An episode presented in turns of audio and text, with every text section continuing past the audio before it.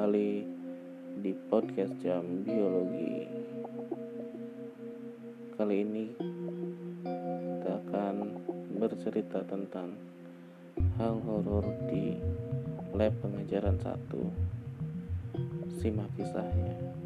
Halo,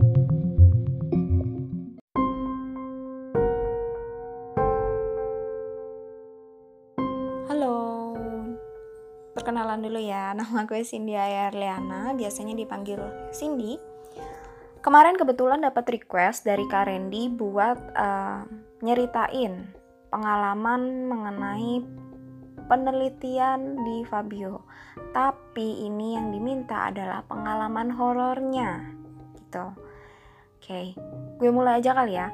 Jadi, uh, gue waktu itu penelitian tentang mikroteknik di laboratorium SPT ya kayak biasa lah ya. Kayak anak-anak penelitian pada umumnya. Yang namanya penelitian pasti bisa sampai malam gitu. Nah waktu itu gue datang maghrib. Sebenarnya hampir tiap hari pun kayak gitu. Jadi itu tuh rutinitas yang um, biasa aja menurut gue kayak gitu. Gue waktu itu datang maghrib maghrib hari Kamis malam Kamis bukan hari Kamis malam Kamis posisi itu lagi gerimis. Benar-benar cuacanya tuh dingin dingin gitu kan. Waktu itu juga nggak sendirian kan gue sama teman gue yang dua Peggy sama Elis tapi mereka berdua kebetulan gak bareng sama gue karena mereka harus beli makan dulu sebentar gue udah makan ya udah. Udah tuh habis itu gue masuk tuh ke lab tuh setengah tujuan. Nah udahlah. Kan niatnya kan pengen nerusin uh, penelitian yang sebelumnya ya. Maksudnya penelitian yang udah gue lakuin pas lagi sore atau siang harinya waktu itu. Um, terus gue ke meja ini yang buat ngiris preparat. Nah gue mulai tuh nge-section nge-ngiris-ngiris preparat gue kan buat dijadiin pita-pita gitu. Nah terus posisinya di situ gue tuh sendirian. Benar-benar gue sendirian gue waktu itu juga kayaknya nggak sempet nyalain musik deh. Belum bukan nggak sempat belum. Nah di belakang itu kan ada lemari besi ya. Tiba-tiba lemari besinya tuh bunyi. Kretek kretek kretek. Ya udahlah ya. Seenggaknya uh, gue pikir gue ya positif aja tikus. Tapi gimana caranya? Tikus bisa masuk ke dalam lemari besi. Yang isinya itu adalah kertas-kertas uh, prepar, uh, kertas-kertas praktikum, kertas-kertas buku kuis, itu semuanya ada di situ. Gue sebenarnya nggak yakin bunyinya dari situ atau dari ruang dosen kayak gitu, karena emang samar-samar, cuman cuman itu tuh jelas uh, bunyi apa sih itu kalau orang lagi narik orang lagi narik uh, lemari besi bunyinya kan kayak gitu ya. Bunyi banget nah kayak gitu. Itu tuh sempet kayak beberapa menit gitu kan. Gue sadar ya udahlah kata gue terus akhirnya gue nyalain musik kan buat mencairkan suasana sebenarnya. Gue nggak pergi gue tetap ada di situ cuman gue nyalain musik aja. Nung, sambil nungguin dua anak ini datang karena posisinya waktu itu mereka udah setengah jam lebih dan itu belum datang udahlah jam tujuan apa setengah delapan gitu datanglah mereka kan dua anak ini. Ya udah kita ngerjain kerja laboratorium biasa gitu kan. Mereka ngebantuin gue gue ngelakuin penelitian gue dan lain sebagainya. Sampai waktu itu jam setengah sembilan. Eh no no no. Bukan bukan bukan. Pertama itu jam setengah sepuluh mungkin. Setengah sepuluh atau setengah sebelas gue agak lupa. Pokoknya kisaran antara lewat dari jam 9 sampai jam 11 antara jam-jam segitu. Kalau nggak salah setengah sebelas gue masih tetap nge-section kan ngiris preparat di di itu. Di situlah pokoknya ya. Nah terus posisinya gue tuh ngadep ke arah taman. Pas lagi gue ngadep ke arah taman tiba-tiba aja tuh taman belakang ya ini di taman belakang. Posisinya gue ngadep ke arah taman belakang yang di depan uh, laboratorium mikro gitu. Depan musola. Kan depan musola itu kan ada dulu waktu itu kan ada dua pohon besar gitu kan.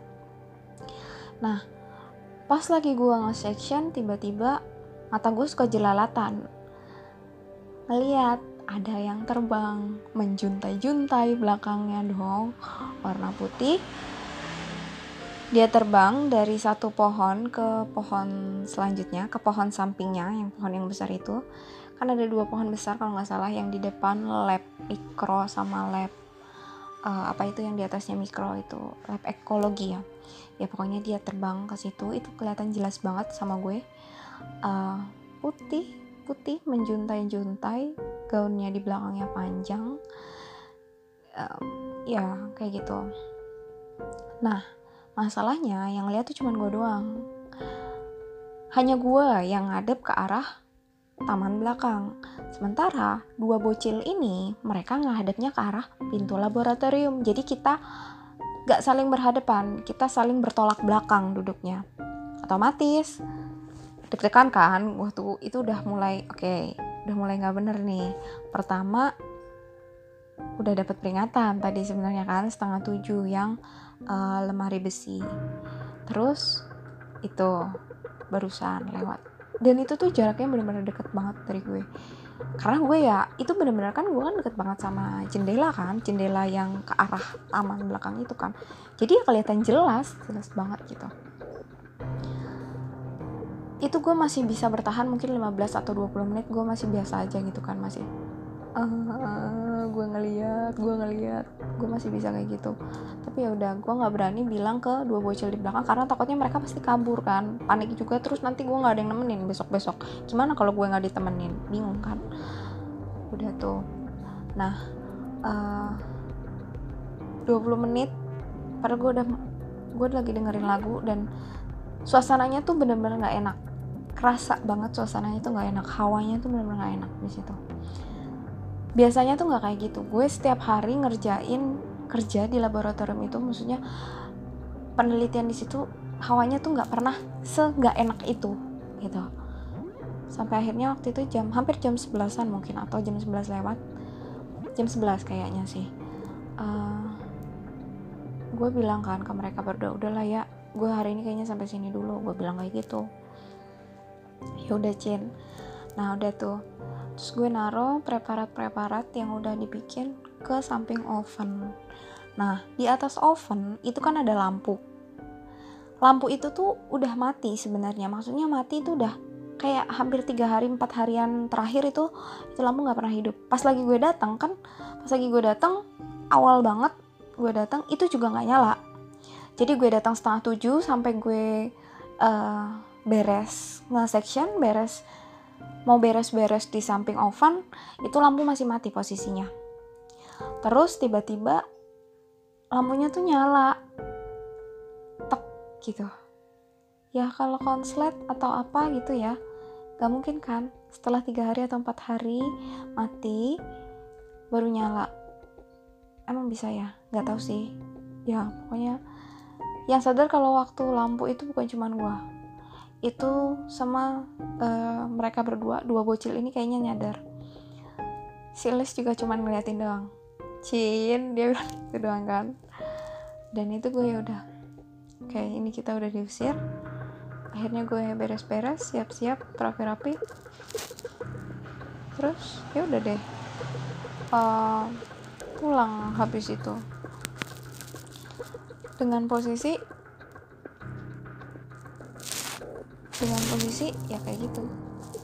Deg-degan banget. Keluar-keluar dari lab gue deg-degan banget. Sebenarnya banyak banget cerita di laboratorium itu selain gue penelitian. Cuman karena request dari kak Randy mintanya yang penelitian waktu gue ngeliat si mbak mbak terbang itu ya udahlah. Mungkin segitu aja kali ya. Kalau soal yang mbak-mbak lewat di depan lab mikro waktu itu. Oke. Segitu aja dari gue nanti kalau ada request bisa langsung ke Karen dia aja. Bye